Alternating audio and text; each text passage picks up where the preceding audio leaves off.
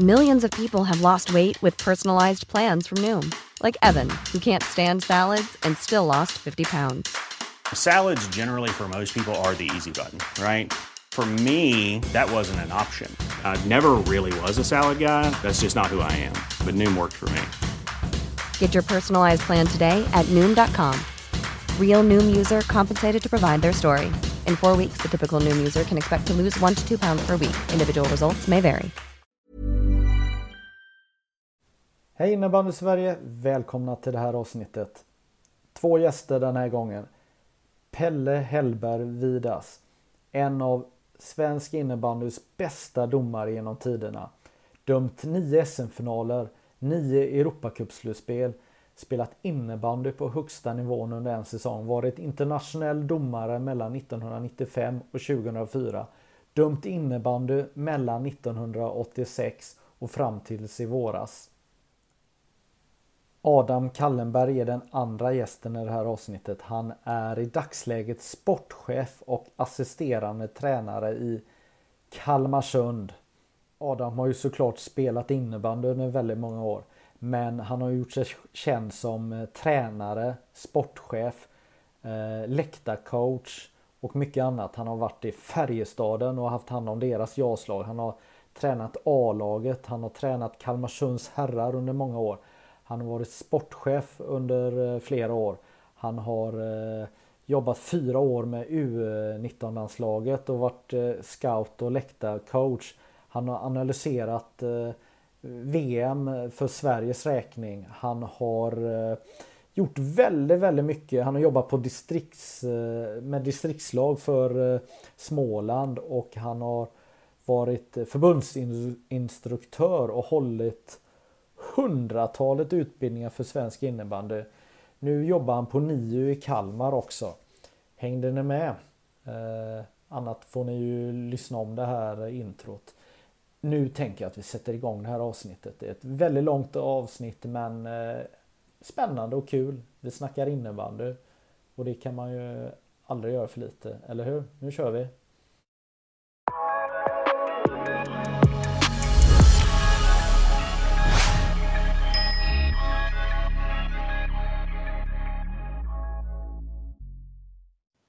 Ja, då hälsar jag Adam eh, Kallenberg och Pelle Hellberg. Vad heter du mer nu? Jag heter Vidas. Vidas. Ja, då hälsar jag er välkomna till eh, det här avsnittet. Tackar, tackar. Tack, tack. Eh, fem minuter innan vi började spela in det här avsnittet så nåddes vi av beskedet att Börje Salming har dött. Vad, vad har han betytt för er? Oj. Som eh, gammal hockeyback i Avesta BK så är det klart man hade en förebild. Mycket minnen. Framförallt där eh, Cup, när stående ovationer som svensk mötte Kanada borta i Toronto. Det, det, det känns tungt nu, faktiskt. Men han, han ligger precis i glappet, gjorde han för, för mig där. Eh, man, man visste vem han var när han växte upp, men han var kanske inte den här som, som Sundin och, och Forsberg och, och Lidström har varit, men eh, han har ju varit liksom i olika sammanhang så har han ju varit en frontfigur och när man tittat på dokumentärer som Pelles och så vidare så förstår man ju vidden av vad han eh, banade iväg för, för resterande svenskar borta i, i Nordamerika så var han ju han var ju unik och extremt eh, hyllad och uppskattad där borta så det förstår man att det är, det är tungt för många idag naturligtvis. Ja, han eh, var ju verkligen en ikon och för mig var han eh, ja, den kanske första idrottsidolen jag hade när jag var riktigt, riktigt liten på, eh, på 70-talet. Eh, när Salming gick in och satsade på innebandy och använde sig av han så var vi på innebandymagasinet snabba att eh, sätta han på omslag, göra intervjuer och eh, träffa han. Eh, han, var, han var speciell och han stod ju för ganska mycket positiva saker och han var ju en stålman så att det var ju otroligt kämpigt att följa allt i media här de, ja, de här senaste veckorna. Då. Mm. Han fick begreppet täcka skott en helt annan innebörd för mig. Med Precis. och allt han gjorde. Nej, det, ja. är, det är tragiskt. Ja, det, är, det är riktigt uh, tråkigt. Uh, annars då? Hur ska vi, uh, hur ska vi börja här? Ska vi, ska vi börja lite och uh, prata om vad ni har haft för er hittills i er innebandykarriär? Vi kan väl börja med Pelle. Du är ju mest känd för att du har varit en av världens bästa innebandydomare. Och är det nio SM-finaler du har dömt? Ja, det var nog nio. Berätta lite kort om din eh, innebandyresa. Ja, den började 86 eh, i Göteborg när det inte fanns några domare och eh, varje förening skulle få böter om man inte skickade två domare till domarkursen. Då anmälde jag med dåvarande kollega Stig till domarkursen. Vi hade inte tänkt börja döma, vi skulle bara slippa böterna. Vi började döma på lite grann, men det var inte så, fanns inte så många domare, så vi kom ganska snart uppåt i hierarkin. Sen stack han, så vi började till en ny kollega som heter Glenn Nylén, som många känner till. Han och jag hade en makalös resa från första början. Rätt in i högsta serien i princip, år två slutspel år tre, SM-final, första mellan Kista och Fornudden, Eriksdalshallen. Bäst av tre, så dömde ettan och trean. Sen var vi med i princip alla SM-finaler fram till 2002. Där vi, det var första eh, SM-finalen som avgjordes en match på Hovet mellan eh, Balrog och Pixbo. Det är ju ett, ett av de största minnena. Så dömde vi fem VM-slutspel mellan 96 och 04. Och avslutade vi i Schweiz. Sen var jag ungdomsledare några år och sen återupptog jag karriären här i Göteborg och lite division 1 i 7-8 säsonger nu. Mm. Så nu la jag av igen i våras. Nu får vi se vad som händer. Ja. Du trodde att du skulle göra comeback?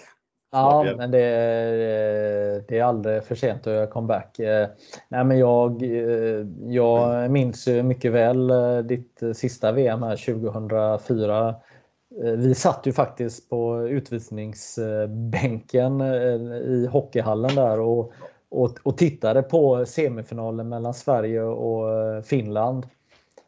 Och det, såg bra, det, det såg bra ut hyfsat länge för er att kunna få döma en VM-final? Ja, vi bodde på samma hotell som finnar och så de peppade oss med frukostrestaurangen. Nu ska ni få den final gubbar. Och det var ju som Hannes och Kohonen och de här, de kom fram och nu ska ni fan få den final. Jag tror det stod 2-2 finnar i powerplay. Så Öhman drog insidan stolpen, sen kontrade de. och Jag tror Jihde gjorde 3-2 i boxplay. Där och då tog min karriär slut på den nivån. Ja.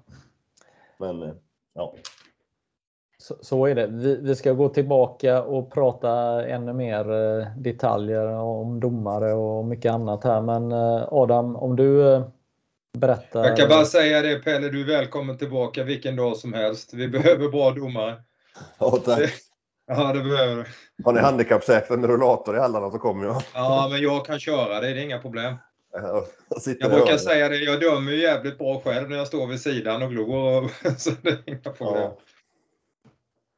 Eh, nej men eh, började väl, eh, spelade faktiskt i tidernas begynnelse, började med innebandy själv 89. Eh, egentligen ishockey från början, halkade väl in i innebandyn, höll på med många idrotter under mitt. Kunde inte riktigt välja.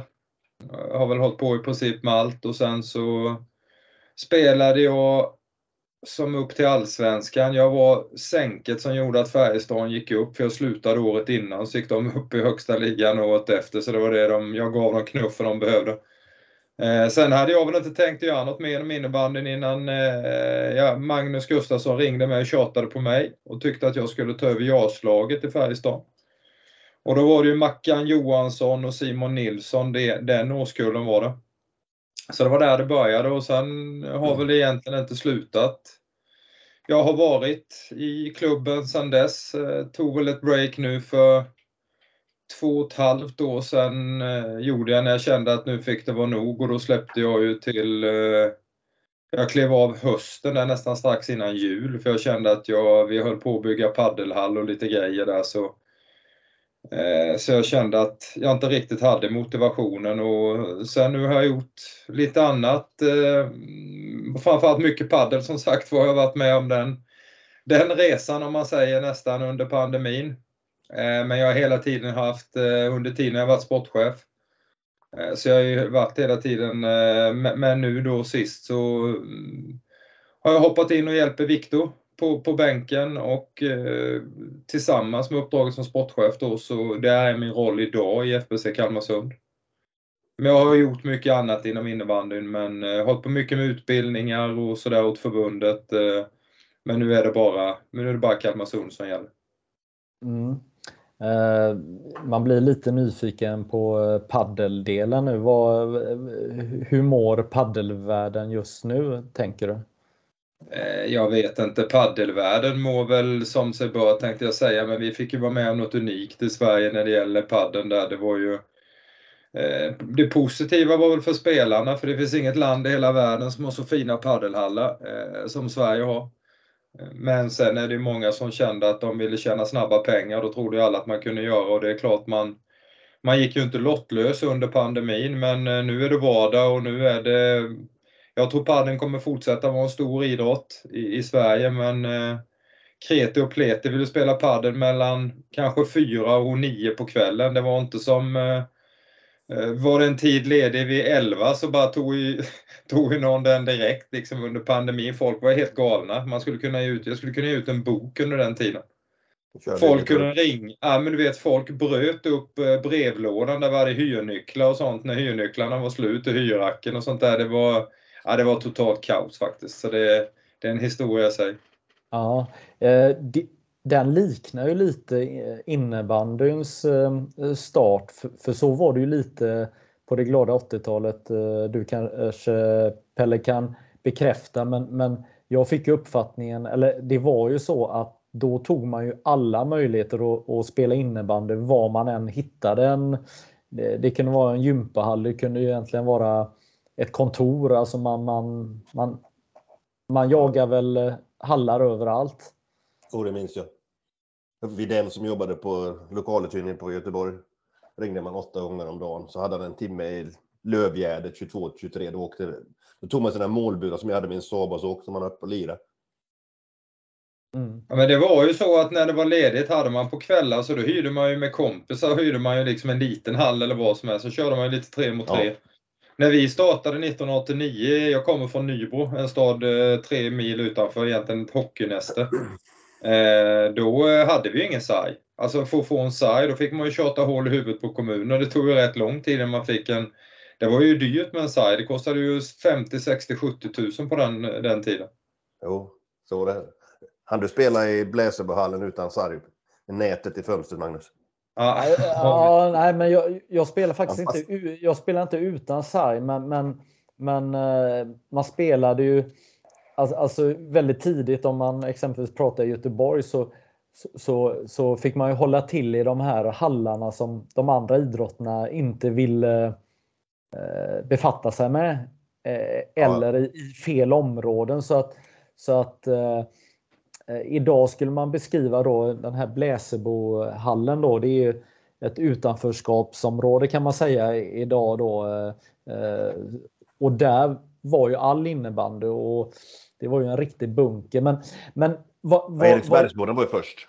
Ja, jo men det var den. Eh, den var först. Det, var de två eh, hallarna som var de centrala hallarna i, i Göteborg. Men vad som slog mig för några år sedan, det var ju det här eh, Eh, vad som hade hänt, vad som har hänt med innebandyn nu genom alla år här, det är ju att, att vinden har ju vänt. Att från att man jagade hallar och, och eh, såg möjligheterna i egentligen varenda hall så har man nu gått till att man bara accepterar 40 x 20 planer med sarg och man skulle aldrig kunna hyra en, en hall utan sarg och, och såna här saker.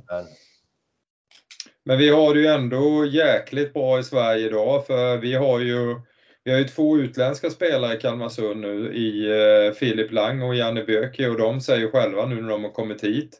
Och vi har ju här i Kalmar har vi en arena som är väldigt bra, eller det är nästan ja, den är ju nästan lämpad för eh, innebandy så de är ju, de är ju lite, jag ska inte säga att de är hänförda, men de är väldigt nöjda över standarden vi har i Sverige. Även om vi har varit en, en debatt rätt så mycket nu att man är trött på de här ribbstolarna och ska föreningarna kunna få in pengar då måste du ha andra ytor. Det, går, det funkar liksom inte att ha det som det var i gamla Lisebergshallen eller hur, hur liksom man kom dit. Och, eh, så det är en utveckling som, som är oundviklig om vi ska få den här sporten att växa. Ja, men eh, exakt. Vi, vi har precis haft ett eh, VM, ett herr-VM i Schweiz. Det 14 världsmästerskapet och tredje gången som det arrangeras i, i, i Schweiz. Pelle, du har eh, eh varit hemma och kanske flyktigt eh, observerat VM eh, utan att vi har pratat om det. Jag, jag bara gissar. Oh ja, oh ja. Och, och Adam, du har eh, varit på plats i, i Schweiz. Eh, precis som, som jag var. Var ska vi börja? Eh, Sverige vann, det vet vi. Men eh, vad, vad är tankarna? Eh, från det jag såg, vi kikade på semifinalerna och eh, finaldagen och då kan man säga att lördagen var jätteintressant tyckte jag. Söndagen var mest eh, transportsträcka. Eh, så att, eh, men sen tycker jag, det var mitt andra VM jag såg på plats i Schweiz och jag tycker att det är de bästa VMen. Alltså de, publiken, eh, människorna, folket i Schweiz tycker jag skapar den absolut bästa inramningen. Eh, jag tycker inte det finns, jag har inte varit i Tjeckien men jag tycker de gör evenemanget riktigt, riktigt bra runt omkring. Sen vet som jag nämnde innan nu när det inte spelade in så tycker jag väl att vad det gäller eh, rent prestationsmässigt så gör ju Sverige en habil match eller en habil turnering eh, utan egentligen göra någonting extra och ändå är, är relativt överlägsna. Eh, vilket, ja, som Pelle sa innan, det, man vet, det är klart att man tycker det är roligt att vi, vi vinner VM-guld men någonstans hade man nog hoppats att, jag menar att både Schweiz och, och och Tjeckien kanske och Finland med var lite, lite, hade lite högre höjd än vad de visade upp. Ja Pelle, du har ju skrivit på sociala medier att du, du håller ju aldrig på, på Sverige ett VM. Berätta. nej, men det har att göra med att de fem VM-slutspel jag dömde, man är ju där för att tävla som domare också. Det vill ju nå finalen. Det vet ju jag att det gör inte jag om Sverige går till final. Så då har vi liksom lierat oss med lite med finnar och schweizare och det har blivit så att man... Ja, jag råkade nog säga det i Aftonbladet jag gick säga att vad vill du helst att Sverige vinner VM-guld eller att vi får döma VM-finalen? sa jag VM-finalen direkt för jag är där för att tävla. Så det är där det landar liksom. Nu, jag skulle vilja se ett svenskt domarpar i finalen helt enkelt. Men eh, det jag tar med mig mest av det här VM det är ju att de kvinnliga domarna för andra året i rad dömer en VM-final. Det är ju dels för, som domare är man ju stolt, men dels för sporten. Att vi är unika på det sättet och vågar och kan. Ja, det, det, det är det jag tycker är bra för sporten. Sen är de jäkligt bra också, det ska man ju inte sticka under stolen med. Men sen, eh, det är mycket politik där i domarverksamheten.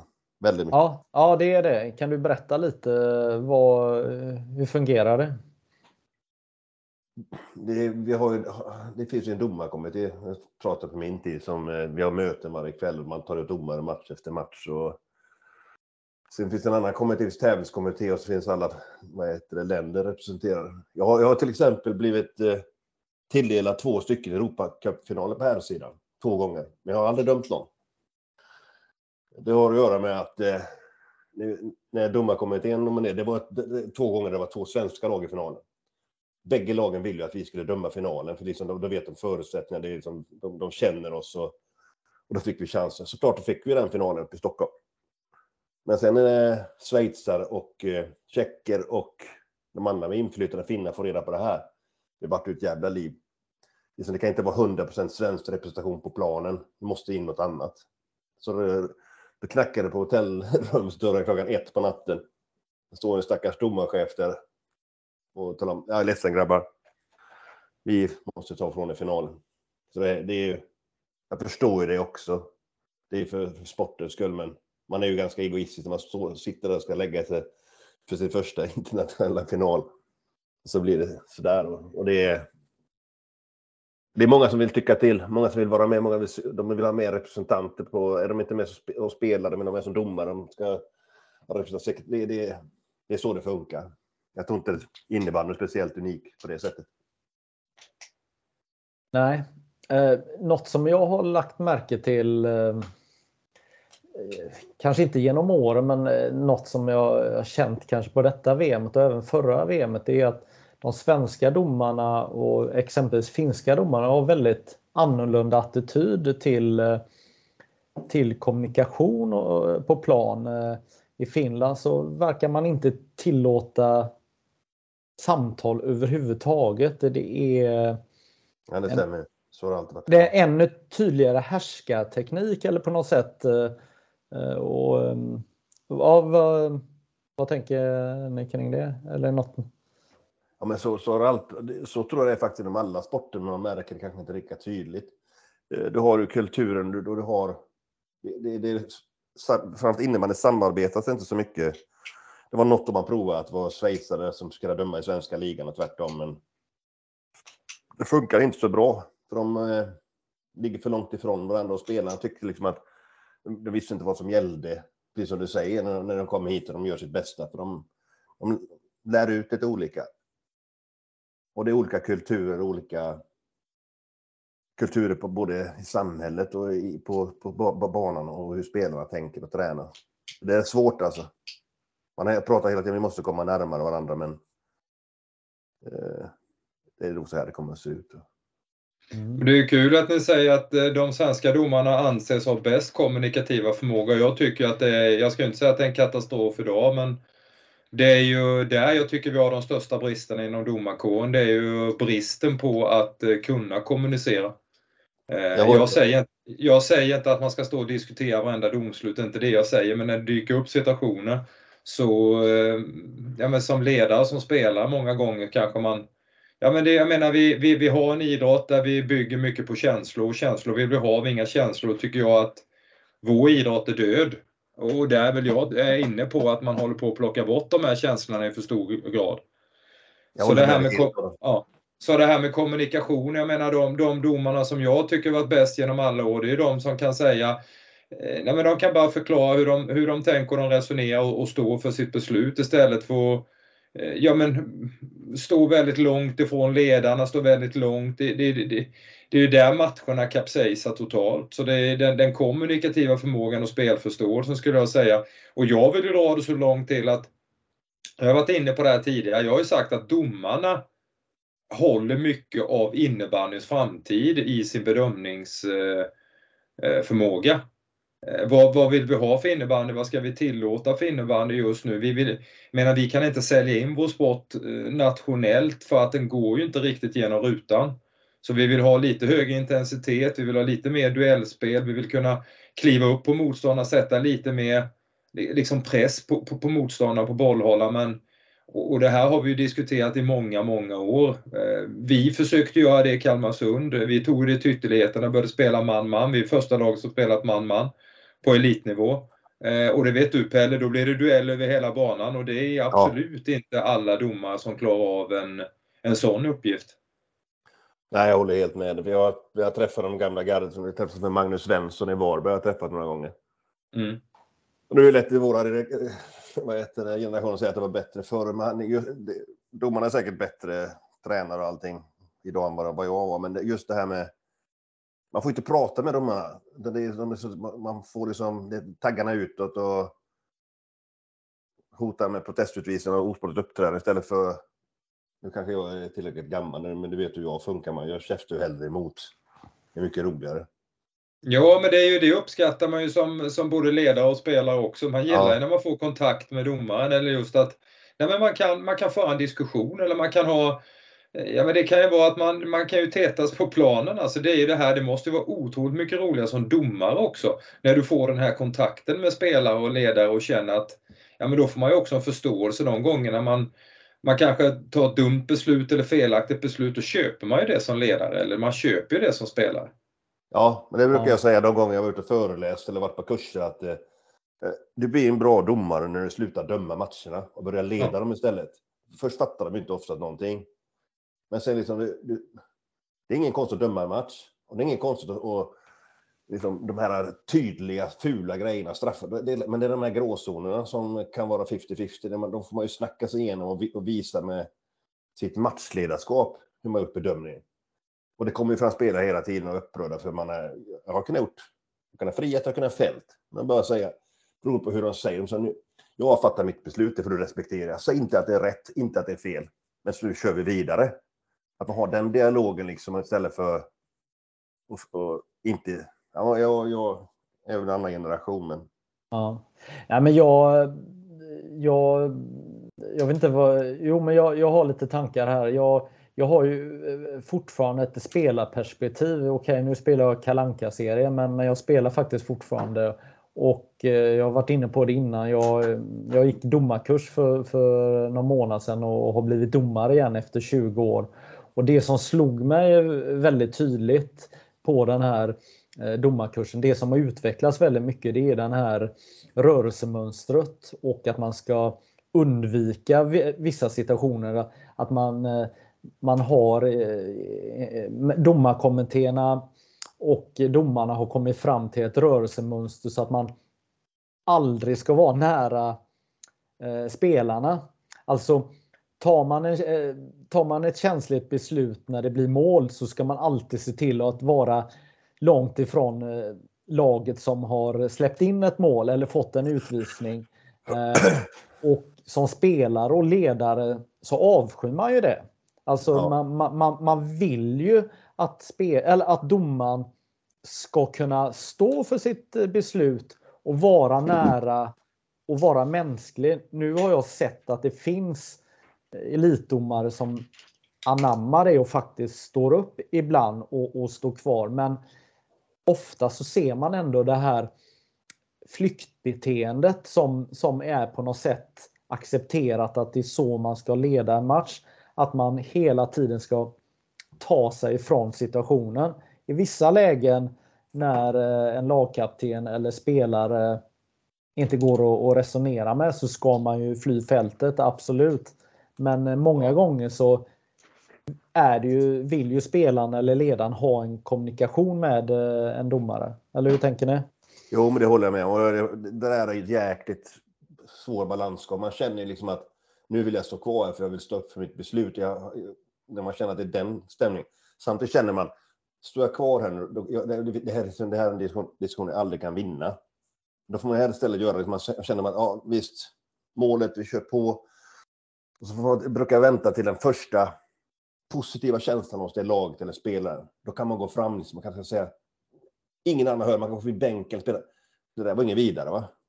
Liksom när, var jag helt fel ute där? Vad tycker du?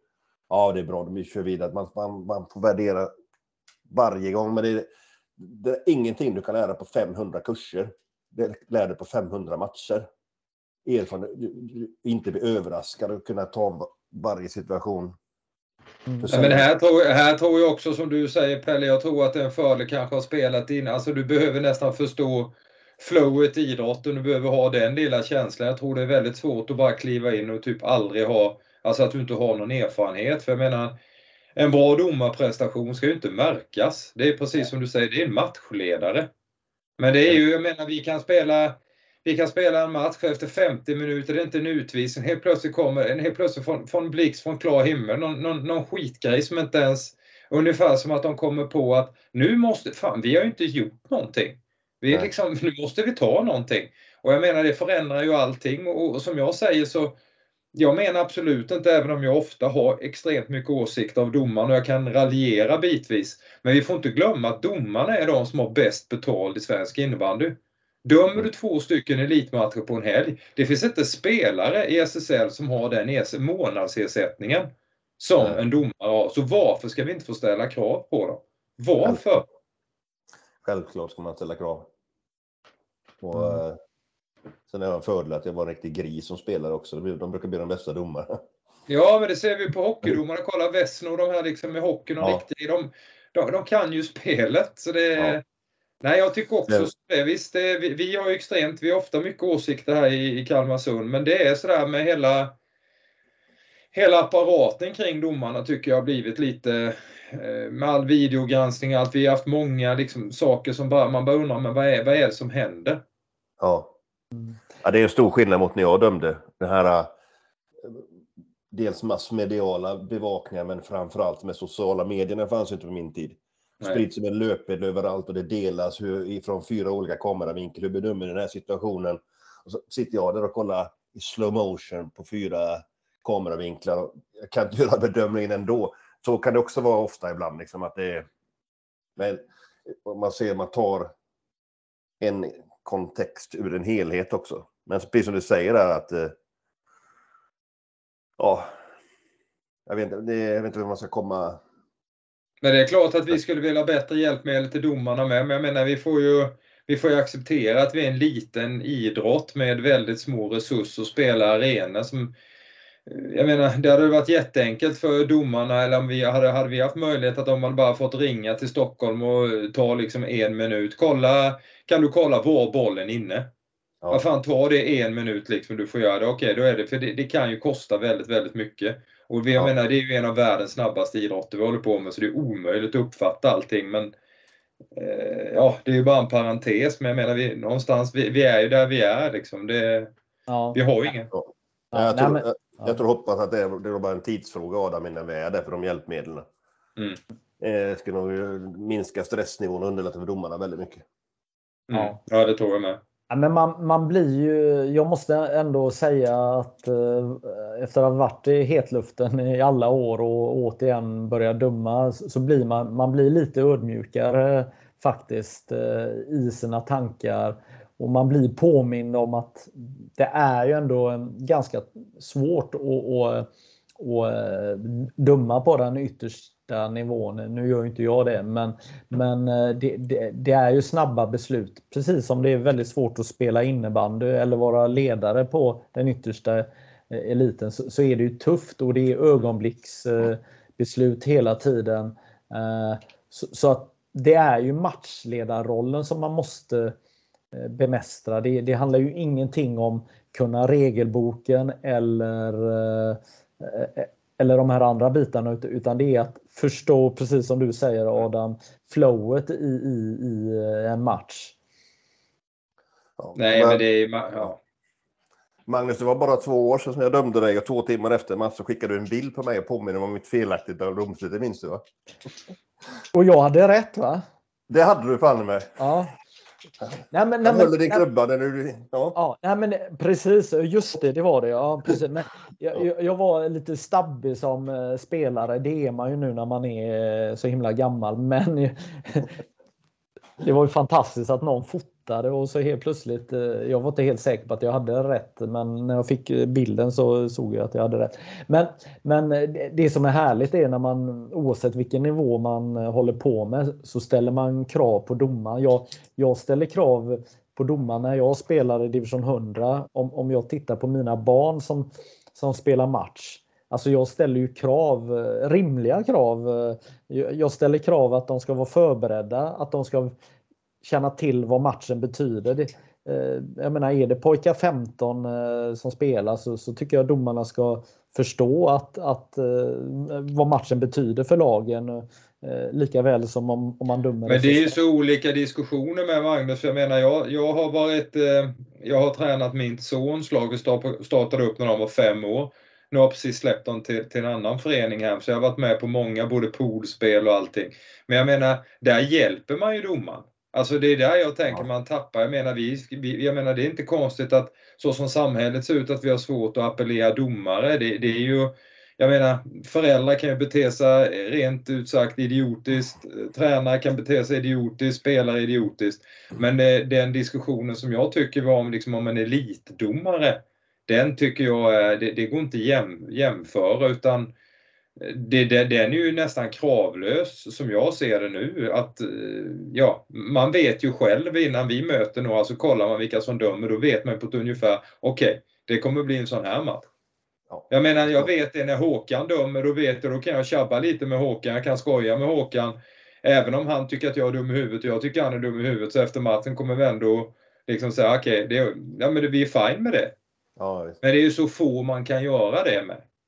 Ja. Jo, men när du får den erfarenheten så vet ju eh, exempelvis eh, Glenn och Håkan då som, som du tar som exempel. De vet ju vad, vad alla spelare i exempelvis ert lag och alla ledare vad de vill ha. Och, och, och samtidigt så vet ju ni vad de levererar. Så, så, att, så, att, så att det är en win-win situation. Är du ny domare i SSL så så kan du inte vara där för att eh, spelarna Nej. och lagen har inte lärt känna ja, jag kommer, domarna. Jag kommer, kommer ihåg för länge sedan när vi dömt ett antal år i elitserien, dömde Balrog. Jag kommer inte ihåg om det var Brottman eller Hellström som sa att fan vad skönt att ni kommer.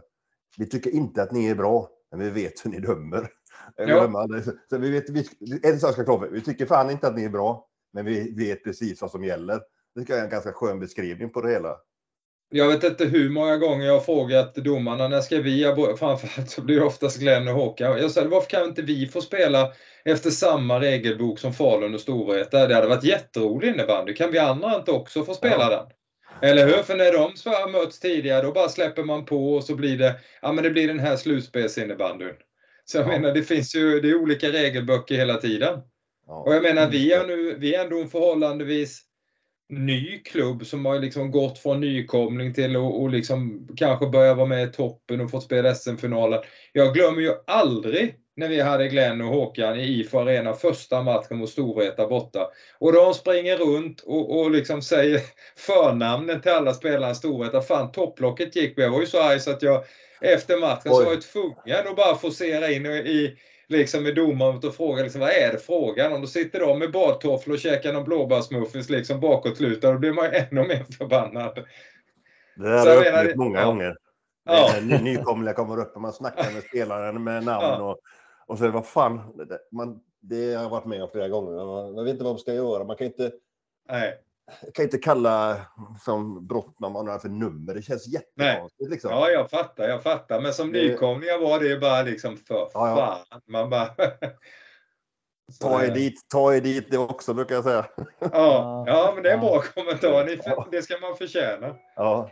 Nej, men, alltså, alltså Adam, du, du har ju helt rätt att eh, domarna på elitnivå är ju de som, som, som tjänar mest pengar. Men Eh, det är ju ändå så att eh, för att ta det här jobbet så måste du vara en enorm eldsjäl eh, ändå. Alltså att, att, att ta det här. Jag tror du att det är det på elitnivå? Är det, inte, alltså är det verkligen motivation? Jag menar om du är, är du singel och 25 år eh, och dömer två matcher, så att du tagit det ändå upp. Jag menar, du, du kan ju döma tre matcher i veckan. Eller Glenn, hur många? Nu dömer du, har du dömt bara i Stockholm?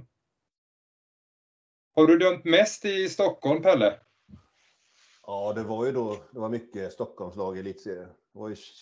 Så det, vi var ju mycket i Stockholm. Och det tog ju några år innan eh, de tog bort reglerna att vi fick döma på hemmaplan i Göteborg, om man säger. Mm. Nej, absolut mest har jag självklart varit i Varberg, deras gamla hall. Mm. Varberg-Jönköping. Men jag menar, är det rimligt? De kan ändå döma tre matcher i veckan. Det blir ju rätt mycket pengar.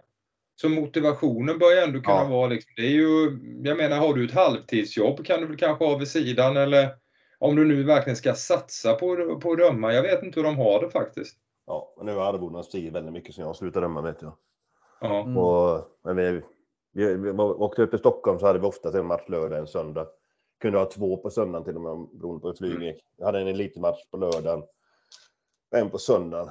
Sen kunde du ut och ha någon dåande allsvenska match efteråt. Men jag är, väldigt, jag är väldigt frågande. Det är bara att jag är väldigt frågande att man kan ha två elit. Jag vet ju bara hur dan jag är själv i huvudet efter en match och då står jag vid sidan av. Jag tror inte de har två matcher två dagar i rad. tror jag inte man... Jo, många gånger har de det. Ja, det fortfarande. Ja, ja men det, det, det, har jag också uppfattat att, att de har. Och, och men, men eh, absolut, eh, jag, jag, jag tänker väl åt båda hållen. Eh, det är en inkomst men samtidigt så måste man ju ta lite ledigt för att ta sig till eh, de här matcherna. Ehm, eh, finns man runt Stockholmsområdet så finns det ju ett smörgåsbord av matcher i, på allsvensk nivå, kanske inte på SSL-nivå då, men, men, men, men det, det, är väl klart att där kan det vara enklare om man är från Stockholmsområdet att åka Eh, en timma till en match och, och, och göra den. Att, att, att, eh, att eh, det kan bli en förtjänst. Men, men ska, du, ska du åka till Umeå från en del av landet, nu kan man ju sig flyga ganska snabbt men det, det tar ju ändå en eh, ganska lång tid. Det tar ju nästan ett dygn får man nästan lägga på en match då tänker jag. Men Ja, när vi dömde match, lördagsmatch i Skellefteå till exempel. Det flyga upp lördag, kanske ibland fredag tror jag, som hem söndag. Mm. Alltså dåligt med flyg där. Mm. Men, men Adam, alltså, om, om vi bara skulle summera domarbiten. Vad, vad, vad, vad ser du att, vad önskar du skulle bli bättre? Är det några delar? Är det några delar i matcherna? Är det sista kvarten domarna behöver bli bättre? Eller första kvarten? Eller kommunikationen har du sagt att du eh, vill att den ska bli bättre. Är det några andra saker som du tänker på? Ja, men jag tycker just det här med, jag gillar ju att man ska komma med konstruktiva lösningar och inte bara gnälla, för gnälla kan ju alla göra. Men jag tror att vi skulle må väldigt bra att ha med domarna och sitta som, jag menar, du skulle kunna sitta med både tränare och spelare och domare från Sverige liksom, och sitta verkligen och, och få en samsyn på saker och ting. Men sen vet jag ju också, eh, och det vet ju Pelle med, det är ju, vi bestämmer ju ingenting i Sverige, det är ju EFF som bestämmer det mesta. Alltså det med ja. internation, ja, så vi är väl lite bakbundna eh, oavsett vad vi, vi kan ju inte bestämma så mycket här, utan vi också, Nej. återigen, även om vi är världsmästare så får vi ju bara det har man ju pratat om och försökt i 20 år. Har haft med spelare och ledare på domarkurser och mm. ditt och datt. Men eh, personligen så känner jag mig lite frågan till hur man rekryterar domarcoacher och sånt där eftersom ska väl inte jag skryta, men jag har anmält mig till förfogande två år, men nej, vi har tillräckligt många, säger de. Mm. Jag tänkte att jag skulle dela med mig av min erfarenhet och mina kunskaper, men mm. nej, vi har fullt. Men, men det är också, jag, jag säger det att jag tycker väl också att vi ska kunna utveckla spelet och ska vi kunna utveckla spelet så måste vi ha en bedömning som gynnar spelet. Det kanske blir väl filosofiskt liksom, men ska du ha ett duellspel, ja då är det ju som sagt var, det är kanske olika regelböcker när olika alltså, lag möts, men det är kanske oundvikligt, men eh, det är mycket som påverkar hur, hur en match blir. Det är ju det är hur mycket publik det är, vad gäller matchen och så vidare. Jag menar, vi som har, det är ju en ynnest att få spela ett slutspel. Då är det ju helt plötsligt en annan idrott. Jag vet inte vad du säger Adam. Eh, jag har ju, läser bara mycket och ser lite videoklipp. Det som har hänt senaste tio åren. Det är våldsamma, vad ska jag säga, närkamper mot huvudspel och sådana som hjärnskakningar. Det fanns, det, jag tror inte jag fanns på min tid. Jag vet ju min gode vän och i Partille, Ulf Andersson, han brinner för det här. Det är, mm. Även på damsidan ser man mycket filmklipp och mot, mot sådana på. Jag har inte, personligen har vi inte varit utsatta eller har varit med om så mycket huvudskador överhuvudtaget. Jag tror knappt jag har varit med. Jag har varit någon, tror jag. Eh, men, men väldigt få, väldigt få grejer på, på, på när det gäller herrarna i alla fall, måste jag säga. Det kanske var likadant förr, det bara att det sprids, allt, allt det sprids på sociala medier. Ja, men så, så, så, så kan det vara. Någonstans så tänker jag att eh, spelet har blivit eh, snabbare. Eh, men det kanske inte har blivit bättre, men, men tempot har ju blivit eh, lite, eh, lite högre och spelarna har blivit lite mer, eh, eller de har blivit mer vältränade.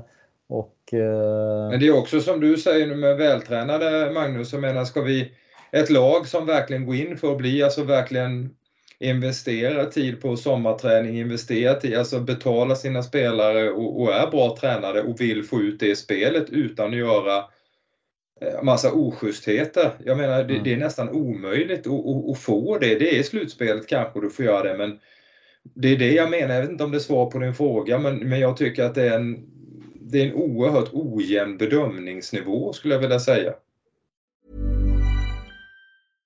Hiring for your small business? If you're not looking for professionals on LinkedIn, you're looking in the wrong place. That's like looking for your car keys in a fish tank. LinkedIn helps you hire professionals you can't find anywhere else, even those who aren't actively searching for a new job but might be open to the perfect role. In a given month, over 70% of LinkedIn users don't even visit other leading job sites. So start looking in the right place. With LinkedIn, you can hire professionals like a professional. Post your free job on linkedin.com/people slash people today. Hey there, it's Michelle Norris. I'm host of a podcast called Your Mama's Kitchen. When I travel, I'm usually looking for a way to find a taste of home when I'm not at home. And one of the things I love to do when I am at home is entertain. And Airbnb allows me to do that. When I was in California recently, I rented a house that had a great kitchen. And when we were sitting around the table, we're all thinking, we're in someone else's house. Someone could be in all of our homes as well. If you have a home, but you're not always at home, you have an Airbnb. Your home might be worth more than you think.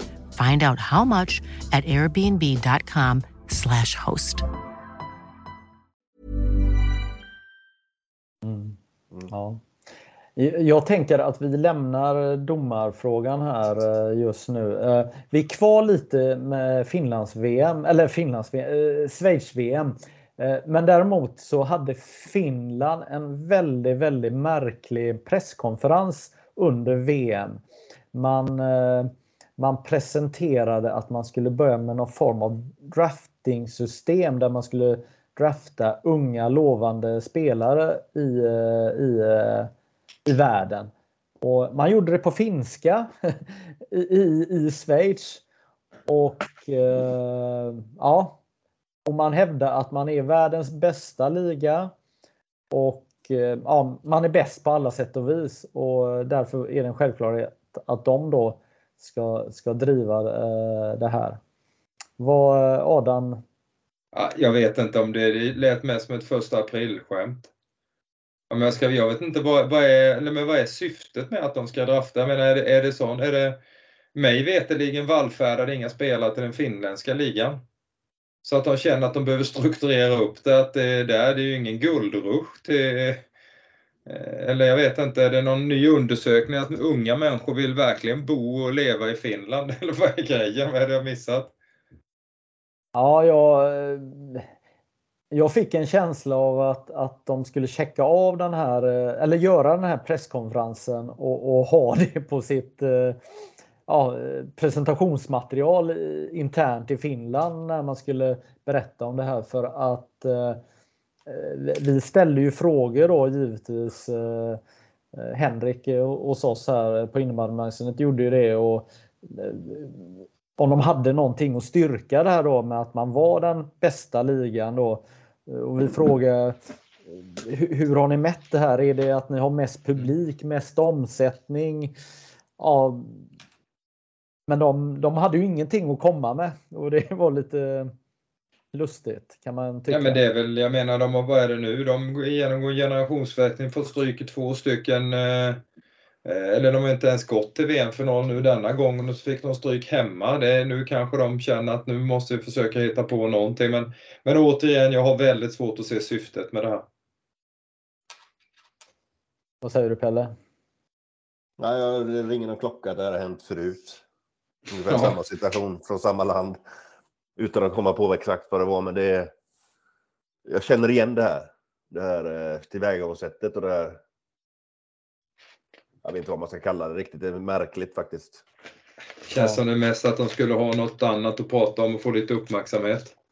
Ja. ja, det var väldigt svårt att hänga med eh, när de presenterade då när de eh, körde en internationell presskonferens på, på finska. Men det kanske säger det, det mesta om eh, det de presenterar. Vi, vi släpper det och så pratar vi EM. Eh, eh, man, IFF presenterade att man ska att man ska starta med EM för landslag 2025 med åtta lag. De sju första lagen i, i VM då blir direktkvalificerade tillsammans då med arrangörslandet. Då. Är det någonting? Känns som, Som är samma, bra. fanta- känns som samma fantastiska idé som CHL i hockey. Mm. Lite så. Helt onödigt. Jo men EM, det är ju de bästa lagen är ju i, alltså jag förstår inte, det blir också, det är också dubbelt. ja. Hur ska man hinna med allting det här? För jag menar, vi ser ju i vår egen, eh, jag menar kollar vi SSL, vi vill ju spela fler matcher. Eller jag är ju på den kant som säger jag vill spela fler matcher. Vi kan inte vara en träningsidrott. Som det är nu, hur kul är det att spela Allsvenskan? Du tränar fem dagar i veckan och spelar en match. Ska vi bli bäst på att träna? Ska vi bli bäst på att spela matcher? Vi borde, ju åtminstone, alltså vi borde väl åtminstone spela två matcher i veckan eh, under vissa perioder. Jag håller med dig Adam. Gärna fasta ja. speldagar. Ja, och sen var det väl något, eh, någon riktig Clips Karre som hade twittrat eh, som jag var tvungen att kommentera. Det här det var någon i Karlstad va, som sa att ja, men det här med den nya allsvenskan är ju det är ju ett bra förslag det här men det blir för långa resor. Vi har ju inte råd. Sportsligt är det bra men ekonomiskt är det ingen... Men återigen, liksom, det är ingen rättighet med att bedriva elitidrott. Så jag menar, jag tycker att det du pratar om Magnus, jag tycker det är kopplat till vår egen liga. Vi är mm. mycket avbrott och, och, och de, de lagen som har många landslagsspelare, de får ju sin... Eh, det är ju tufft att bedriva vardagen. Mm. Ja. Jag tycker att, ja, för jag ser ju mest egentligen till vår egen liga, hur, hur kan vi Ja, men hur kan vi utveckla den? Mm. Men är, är det inte bra om vi kan få eh, en landslagsturnering till som eh, om den blir tv-sänd, exempelvis i Sveriges Television då. Nu är tanken att det här ska vara i september då, varannat år. Eh, ser, ser ni inga positiva effekter med det?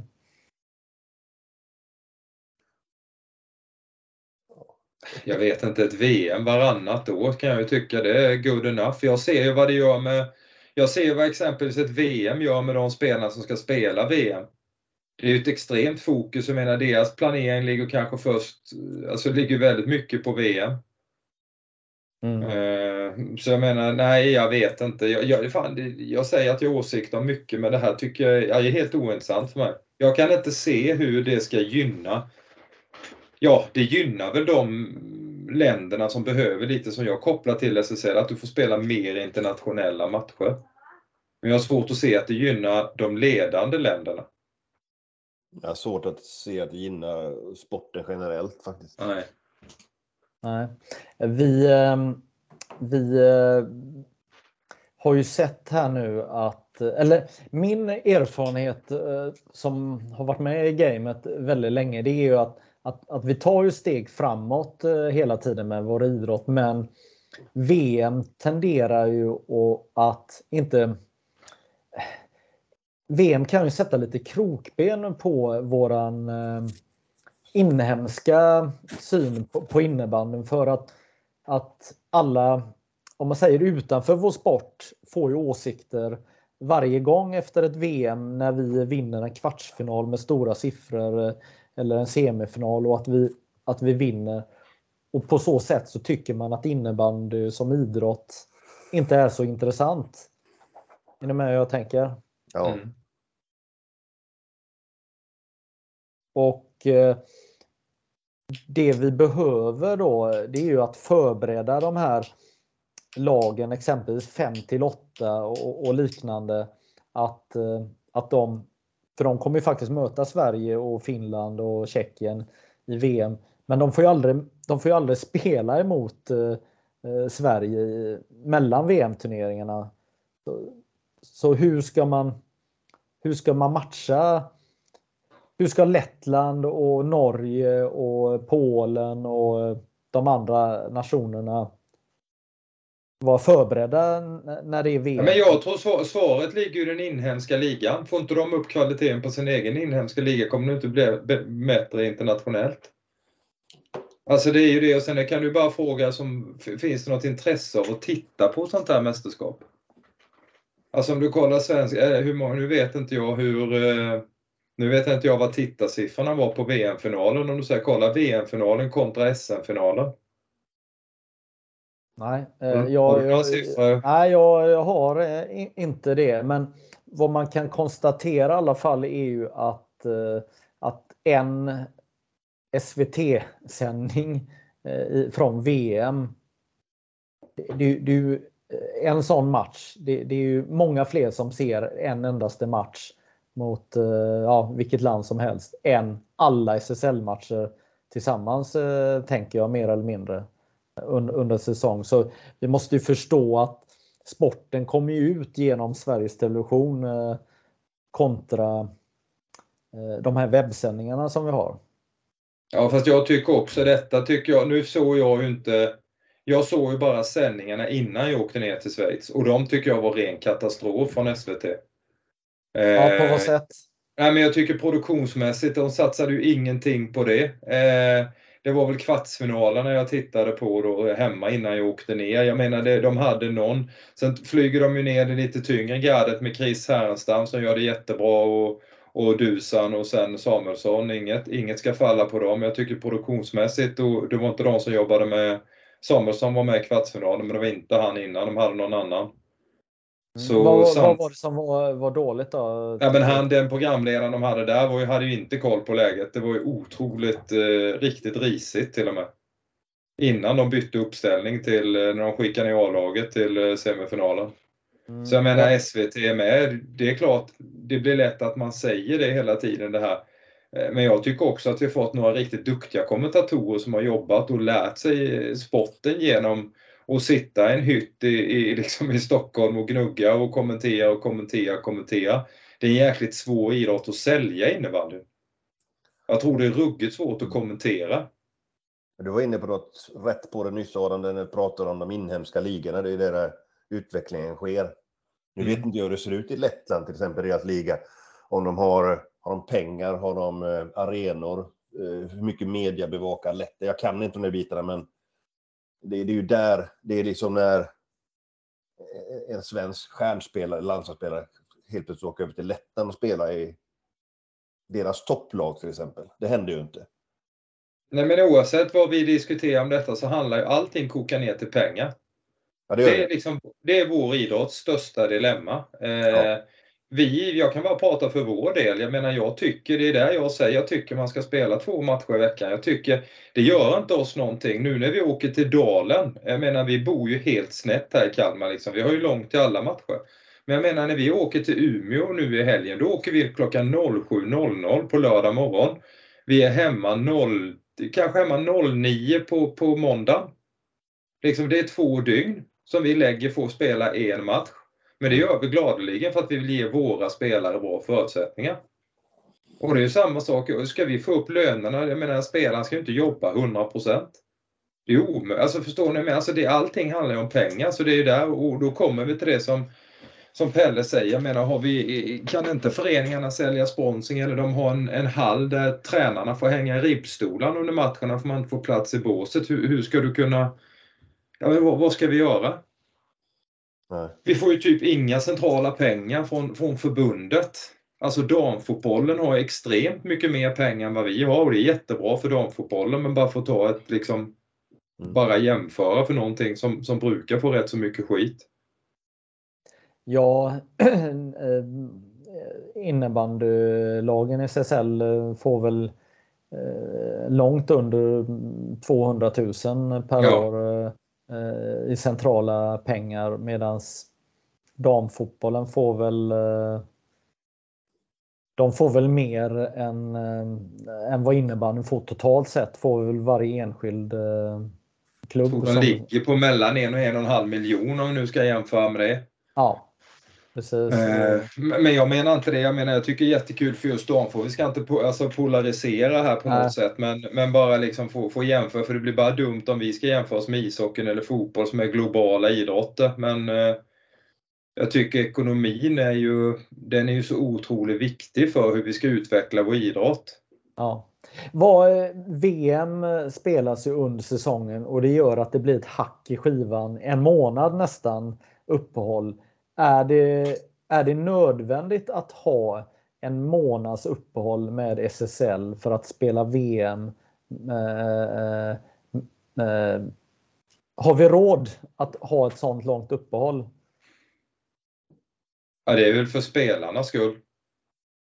Alltså ur belastningssynpunkt är det väl för deras skull egentligen. Eh, jag svarar väl kanske inte på din fråga men eh, de har ju så få läger i landslaget att träffas så de måste ju också ta varje, liksom, varje chans de kan få. Mm. Så det, jag vet inte, man kanske kunde tagit bort en vecka, det är väl knappt det, men visst en månad är jäkligt lång tid, det håller jag med dig om. Det, det känns väl kanske, det känns väl långt uppehåll. Mm. för just det här som ni pratar men ni ska ju sälja in matcher eh, som förening och få publik till matcherna.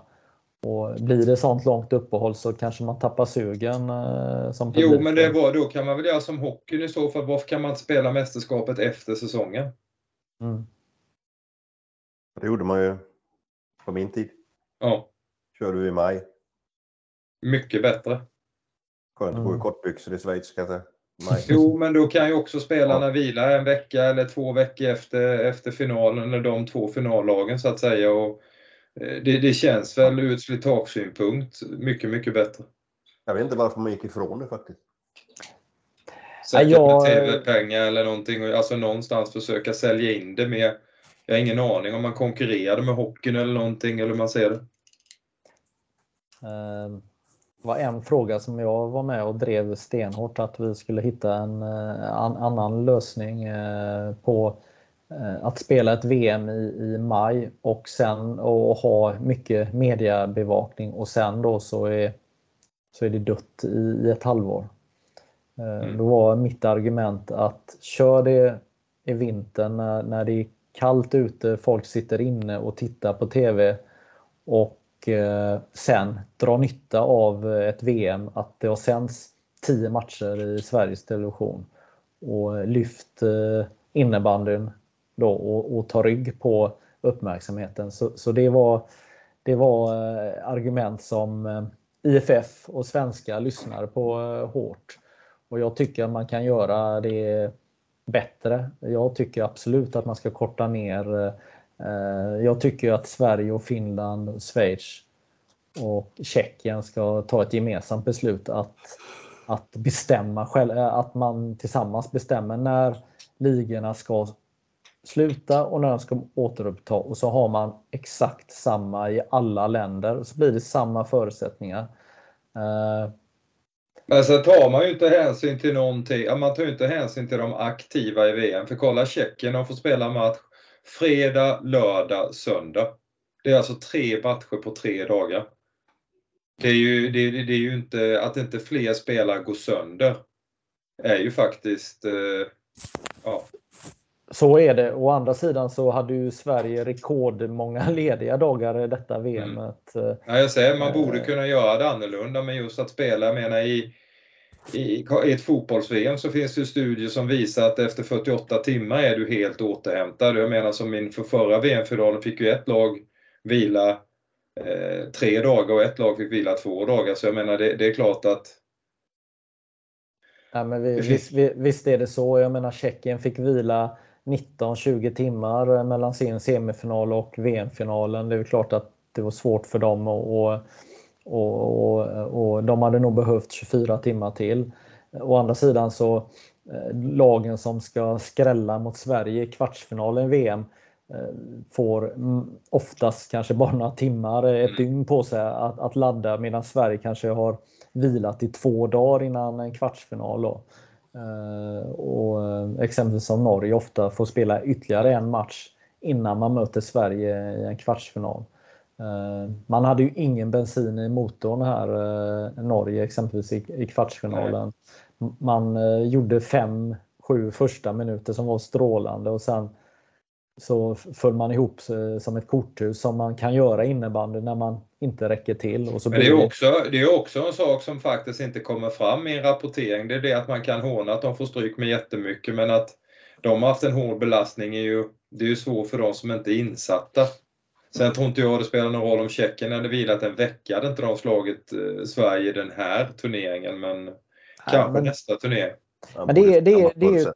Det är ju tyvärr så att, att det är ju det är ju den här eh, siff siffrorna mellan Sverige och, och Norge som eh, de som har en negativ åsikt om innebandy tar med sig från, från VM och att Sverige alltid vinner. Det, det är, ju- så, så att det är ju där, det är ju det som de här bär med sig då eh, i, det hela då.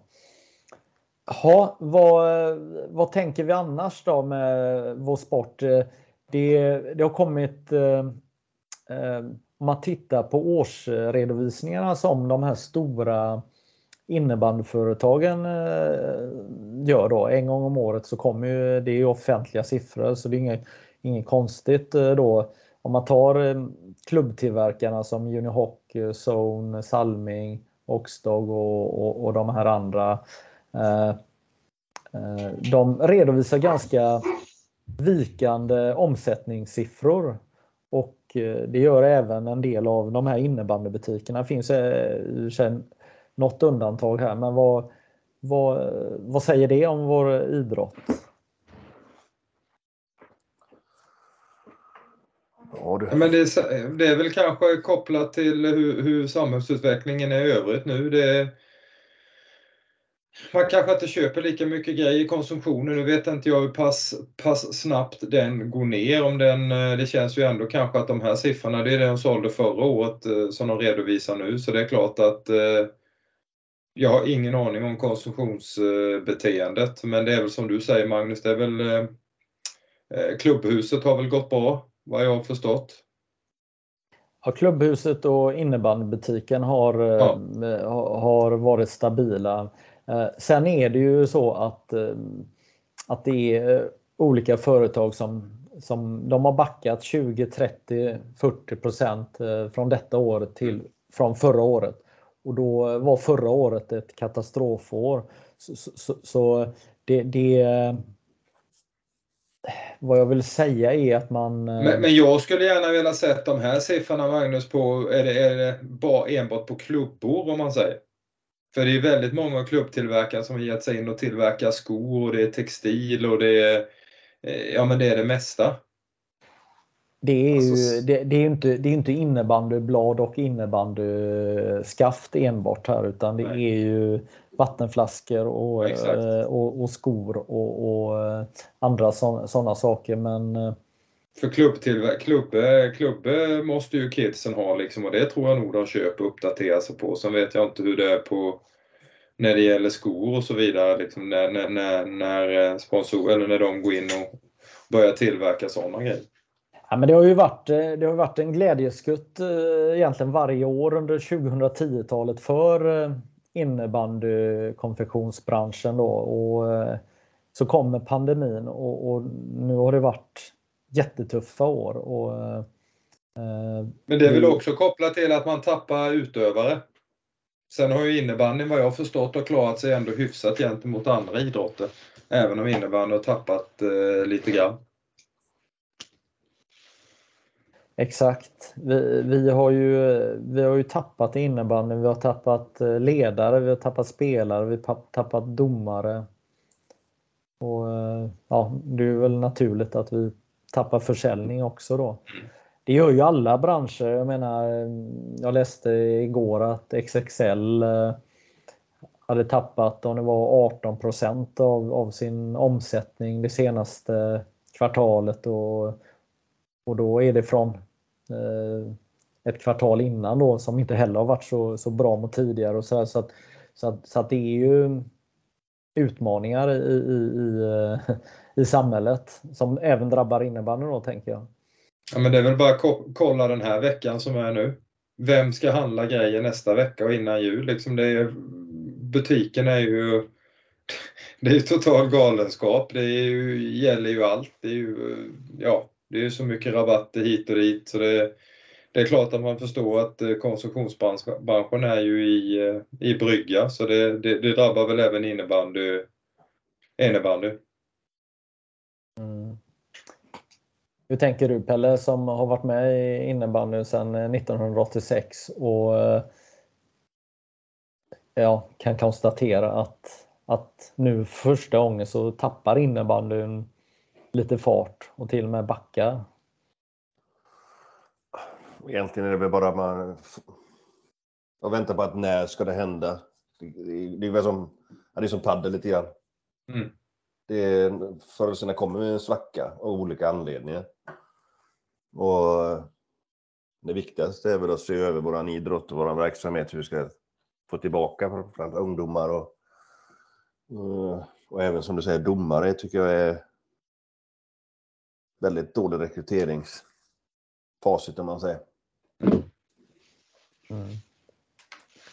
Eh, jag förstår ju att eh, om man tillhör då Kalmarsunds organisation där, där eh, ni är jätteduktiga nu och, och har en otrolig utvecklingspotential så blir det lite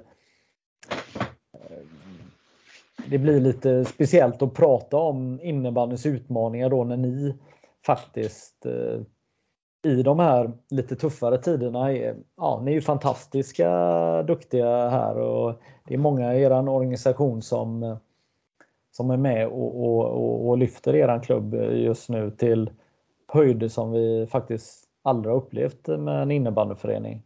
Eh, när det kommer till omsättning bland annat eh, men det är ju också, det är precis som du säger, det är ju för att det är kompetent, eh, kompetenta människor men också är det ju att vi har ju satsat på en organisation. Hur många av innebandyföreningarna SSL har heltidsanställda på, som jobbar med de här sakerna? Det är ju inte många och jag menar hur ska du kunna få sälja?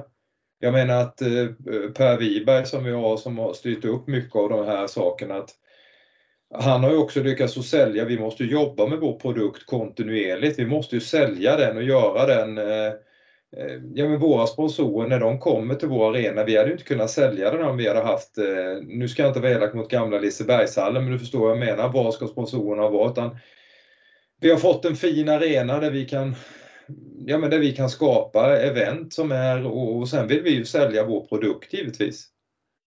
Eh, och vi vill betala våra innebandyspelare för att idrotten ska kunna utvecklas. Jag menar det här är ju Gör man det ena så får man ut någonting bra i, i den andra änden.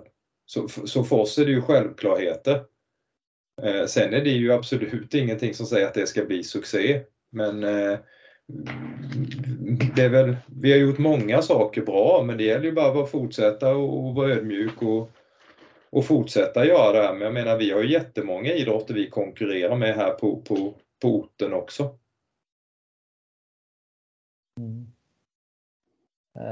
Pelle, vad tänker du? Du, eh, du tar ju gladeligen på dig din eh, Leksandströja och sätter dig i bilen och åker jättemånga mil för ja. att se Leksand förlora mot Frölunda i Leksand. Men, nej, men vad, vad är det som driver dig att, att att, att, att göra det? Eh, eller, och, och vad är det som gör att du kanske undviker att gå på en SSL-match?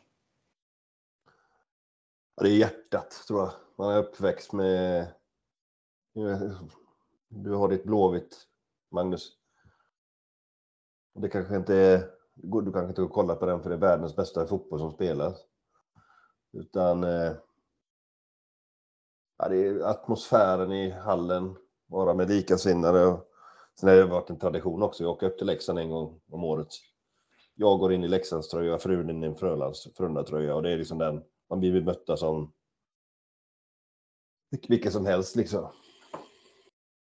Och det är, som, det är som, som man är inne på Adam, de, de är duktiga att sälja sin produkt, sin sport.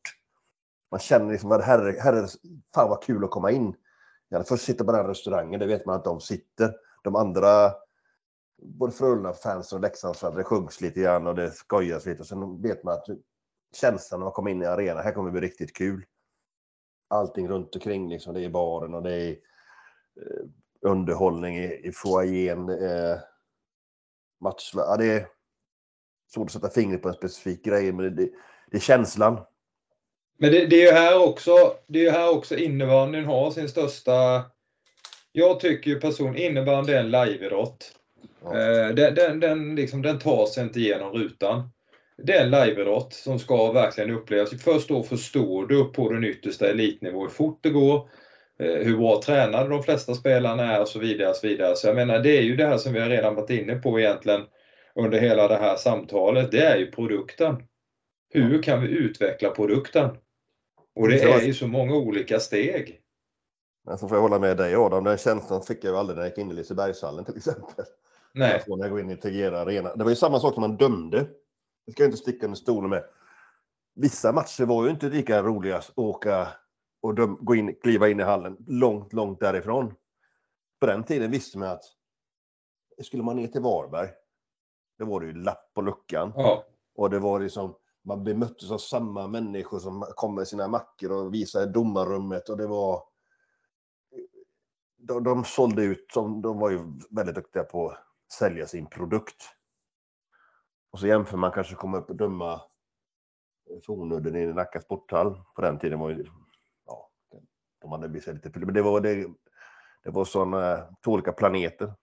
Eller flera olika Men det är precis som du säger Pelle, det är kontraster för oss också. Vi var i Jönköping igår. Ja, Alltså, där, där man får ju med sig, man spelar på en tjockmatta. Ja. Eh, man får akut synfel. Det är ungefär 800 färger på stolarna. Eh, och sen så är det som någon har sövt ner en. Liksom, alltså det, det går inte att komma igång. Alltså alla spelarna, precis allting. Det, det är omöjligt att skapa en atmosfär. Så då förstår man Ja. själv, hur ska Jönköping i detta fallet då, det är ju inget ont om dem, jag tycker de är fantastiska spelare, bra ledare runt omkring. Men nu ska de sälja sin produkt. Så jag menar, det, det är ju så mycket slump. Det är ju inte som det är i hockeyn. Där, ja, men där bygger Färjestad sin arena, där bygger de sin arena. Så det är ju återigen, vi kommer ner till kronor och ören. och den, Men, käns eh, den känslan ja. kommer ju inte när du kommer till hallen. Den, den byggs upp ett par dagar innan. Och fy fan, Ja. nu vet vi att de där jävla färgerna kommer att Ja. dunka med ansiktet. Och, Ja, men jag, jag tror att, att vi är inne på en intressant eh, punkt här. För att det handlar om känslan som, som vi är ute efter. Eh, du Pelle beskriver känslan eh, när- du kommer som domare. Eh, Adam, du, du beskriver känslan att komma som lag. Jag kan beskriva känslan att komma som media exempelvis till innebandyevent kontra, jag har varit på en del fot, fotbollsmatcher nu i slutklämmen och, och man känner skillnaden. Alltså när du går på en allsvensk fotbollsmatch så blir du omhändertagen på, på ett eh, härligt sätt. Eh, en av anledningarna är att, att man är fler som är media på- plats. Det gör ju det. Men, och, och, och det är ingen skugga på, på, med, på mottagandet man, man får på SSL-klubbarna och sånt. Det, det är inget fel på det. Men det är en nivå till.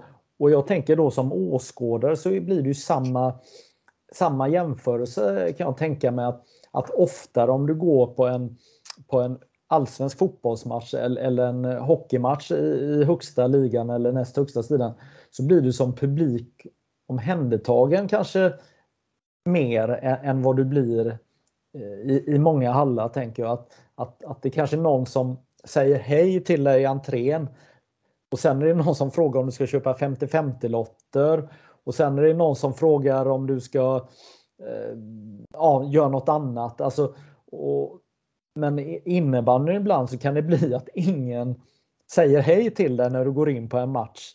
E, eller, eller frågar någonting utan man, man går och bara eh, känner sig eh, ja, ja, vad gör Nej, men det är samma sak. Hela, hela vår idrott har ju varit dålig på att sälja ut. Vi har ju inga profiler. Jag menar fråga en, eh, fråga en random eh, tioåring som spelar eh, fotboll så frågar de vad fotboll spelar. De kan rabbla upp hela Fifa, alltså de kan rabbla upp hela varenda liga och fan hela de kan ju liksom rabbla upp Zimbabwes bänk.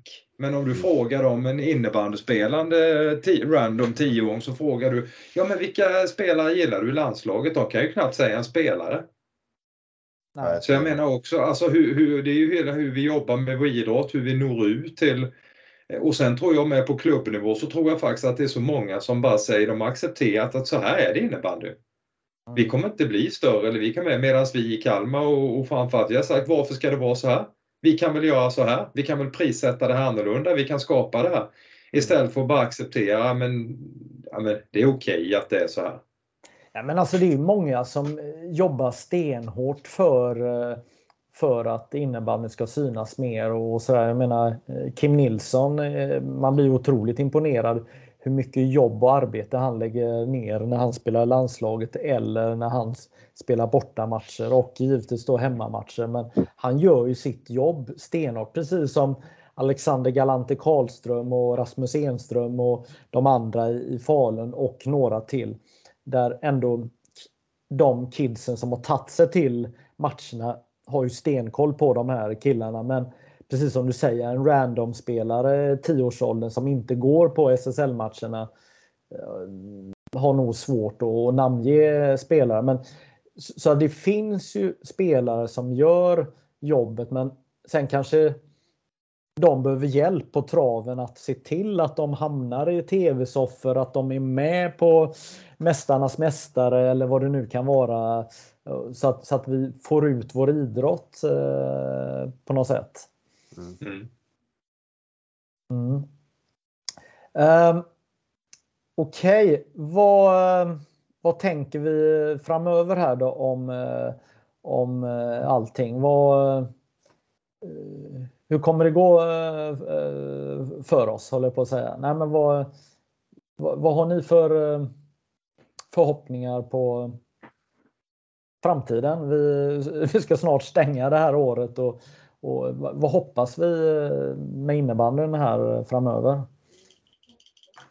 Men rent eh, speltekniskt och så vidare tycker jag väl att vi har stagnerat lite, eller jag vet inte. Det, det, ja, vi försöker väl jobba på vårt här och försöker få sitt utveckla, men det är lite som jag varit inne, nu blir man nästan lite nedslagen och man har väl varit lite för mycket boomer här och gnällt eh, av sig här under den här timmen. Men mm. eh, Eh, nej, man vill ju givetvis hela tiden framåt men, men så som samhället är nu så jobbar man ju både i samhället och innebandy är ju väldigt mycket viktigt med mjuka värden. Eh, det är mycket annat, hur ska vi få många att spela innebandy och så tänker man ju i, i kontexten att om, om, så blir det ju naturligtvis, kan vi få fler att spela innebandy får vi fram fler duktiga spelare och så vidare. Och så vidare. Eh, men eh, Nej, men jag tror väl innebandy som sport kommer ju fortsätta vara en, en stor idrott för att Eh, det, det, tror jag absolut, för den, den appellerar så många barn och ungdomar. Mm. Sen på elitperspektivet så tycker jag väl det är också intressant nu. Det är mycket generationsväxlingar i landslagen runt omkring och sådär så nej. Men, men alltså vi, vi, vi, vill se bra spelare och hela den här biten men är det inte egentligen vi vill se roliga spelare? Vi vill se spelare som gör att man vill gå och betala. Man vill, man vill gå på matcher där man inte riktigt vet vad som händer och man kanske till och med hoppas att, att, att det ska hända saker som gör det, gör det spännande. Är det inte det vi vill se? Vi vill, jag, jag vill se vältränade spelare men jag vill ju se spelare som gör det oväntade. Och kanske Nej, det är klart, men, men det är samtidigt så vill vi ju inte se, ja men det är det ju, men det är lite som jag och Pelle säger, det, det handlar ju om, vi vill ju se, jag vill ju inte se cirkusartister. Alltså jag vill ju se en idrott som någonstans utvecklas och tar steg och, och bjuder på intensitet och känslor och eh, ja, men där publiken någonstans kan identifiera sig och se vår, eller vår idrott som det självklara valet att gå och titta på. Alltså vi måste ju ha, det är ju en liveidrott, vi måste få folk till arenorna. Och för att få det så återigen, det handlar om produkten. Det handlar om, kan vi betala spelare, kan de vara bättre tränade, kan vi tillåta spela ett annat spel? Alltså det, det, jag känner det, det, liksom, det går bara runt, runt, runt. Liksom. Det, någonstans där är jag. Det, det handlar om att jobba extremt mycket med produkten. Samma gäller ju domarna tycker jag, om man ska se mitt perspektiv. Det får, det får inte bättre SSL-domare genom att höja arvodet ännu mer i SSL. Måste börja Nej. mycket längre ner och hitta på nya idéer och låta domarna tävla och utvecklas eh, på distrikten ända ner i föreningarna. Jag såg ju sist mig själv som jag dömde ju så sent som i våras högsta distriktsserie, den herrtvåna damettan. Det är ju ungefär samma domare där som dömde början på 90-talet. Så kommer det inte uppåt och kommer till någon, de fyller sin roll där. Och ser man på Göteborg, det är inte så mycket domare som vill flytta upp på högre nivåer. Jag har kommit med idéer där man skulle göra en elitgrupp, om man säger, distrikten mellan Halland, Västergötland och Västsvenska. Kanske låta dem utveckla, ja, hitta talangerna och jobba med dem, coacha dem. Döma lite, åka upp till Mariestad och det är mycket mer fokus, man får åka iväg och döma lite. Så det finns jättemycket att göra där tycker jag. Men sen är det en sak som vi inte ens, och det kan jag avsluta med nu, för det är någon sak som vi har glömt där nu som sitter på framtiden, det är ju tränarna. Och det har i princip inte satsat någonting på tränaren. Nu vet jag att det är på gång en elittränarutbildning men under alla år jag varit med så är det ytterst få nya tränare. Jag menar hur många tränare får den, de förutsättningarna för att verkligen göra ett riktigt bra jobb? Att vara tränare för en SSL-förening det, det, är liksom, det är mer än ett heltidsjobb. Men oftast får de ju inte ens betalt för ett halvtidsjobb. Ja, men, men jag, jag minns, jag har ju varit med så himla länge sedan Eh, Eh, eller så länge att för länge sedan fanns det ju drivande personer som försökte driva en elittränarförening och hela den här biten. Men, men sen, sen har ju alla de här NIU och, och innebandygymnasium dykt upp och folk som brinner för innebandy har blivit anställda ledare då och, och, och lärare på de här eh, skolorna. Och, och det är på något sätt som att Eh, energin att, att driva vissa saker framåt har, har glömts bort eh, på, på resans gång. Så att, eh, mm. Men vad, vem är det som ska leda utvecklingen? Är, är, det, är det domarna? Är det tränarna? Är det spelarna? Vem, vem ska bestämma? det är inte domarna. Nej, det är väl, det är väl alla, alla tillsammans, men någonstans ja. det är väl ändå ans det stora ansvaret ligger väl också jag menar det är ju på föreningen att kunna ge, ge liksom tränare rätt förutsättningar och lagen rätt förutsättningar och sen måste ju förbundet stötta på sitt håll. Ja. Eh, med, med, ut på utbildningsbiten. Eh, det har ju varit väldigt duktiga tidigt, jag menar 2012. Det jobbet Emil Risberg med flera gjorde med att sätta den eh, utbildningsstegen. Det var ju väldigt först, både fotbollen och hockeyn tittade mycket på innebandy, sen har vi tappat på det. Eh, vi var jätte, jättelångt framme 2012. Så jag menar, det är ju någonting, ja, det är någonting man behöver jobba med kontinuerligt, men ansvaret är ju allas givetvis. Det går ju inte att säga så här, det är deras ansvar. Du var inne på något viktigt Adam, där med, det handlar om pengar. Varenda ja. förening som är på elitnivå måste ju ha heltidsanställd personal som jobbar med organisation som orkar driva det här på fulltid. Ja. Och jag tycker ju även att eh, distriktsförbunden ska ha en heltidsanställd domarbas, eller man säger, som ansvarar för utveckling av domarna. Och jag, sagt, jag förstår att man inte bara kan hosta fram en heltidslön och göra det här hur som helst. Det är klart att det inte kan, men som, som, som vi har gjort i Kalmarsund och verkligen har organisation, det är ju ingen garant för att det ska bli framgång. Men det är ju en garant för att du kan jobba mycket djupare och skapa en produkt som du inte kan skapa med bara en, en, en halvtidsanställd kanslist. Jag menar, ska du, vara, ska du vara långvarig inom den här idrotten och skapa någonting på sikt, då tror jag du måste bygga en ordentlig organisation. Och det tror jag faktiskt Varberg pratade väldigt mycket om när de hade sin storhetstid. Ja. Sen är ju inget för evigt och man måste också få in, alltså fylla på med nytt blod hela tiden. Ja, alltså det är ingen garant men det ger ju förutsättning till att... Exakt. Nej, men det, det, det, är ju, det är ju det är ju väldigt riskabelt att bygga organisationer på ideellt eh, arbete som folk ska göra på kvällstid efter man har gjort eh, sitt arbete, sina sysslor hemma och, och, och, då blir det ju då blir ju föreningsarbetet lidande förr eller senare i det långa loppet om man ska vara långsiktig. Så det är självklart att, att innebandyn behöver eh, mer anställd personal och, och det räcker kanske inte bara att ha en person anställd för det är ganska tufft jobb om, om man är ensam eller bara är två i en förening för att eh, och man är ganska stor utan man behöver ju vara ett par stycken som man är ett team. För att eh, det, det, det är svårt att jobba med folks eh, pension och fritidsintresse. Och man blir ju uppäten om man är, är en av två anställda i en stor förening såklart. Eftersom det krävs mycket obekväm arbetstid också, tänker jag. Mm. Jag har själv suttit i styrelsen i en av distriktets största föreningar bara för att ingen annan vill, kan man säga. För mm. att det ska kunna liksom, hållas flytande på något sätt. Man hade ju inte tiden att lägga på det. Du vet ju själv, man har drivit föreningar och ja. eld, eldsjäl liksom. Och, och saknar eldsjälarna börjar försvinna också.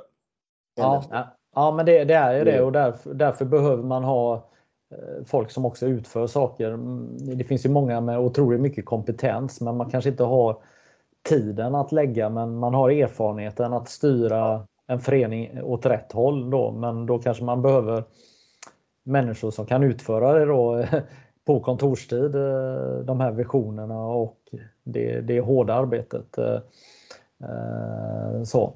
Jag tänker att vi har pratat jättelänge här nu så jag tycker att vi bör runda av det här eh, samtalet. Vi, frågan är om de som har lyssnat och tittat på det här har blivit bättre människor eh, eller eh, eller Det tror jag inte.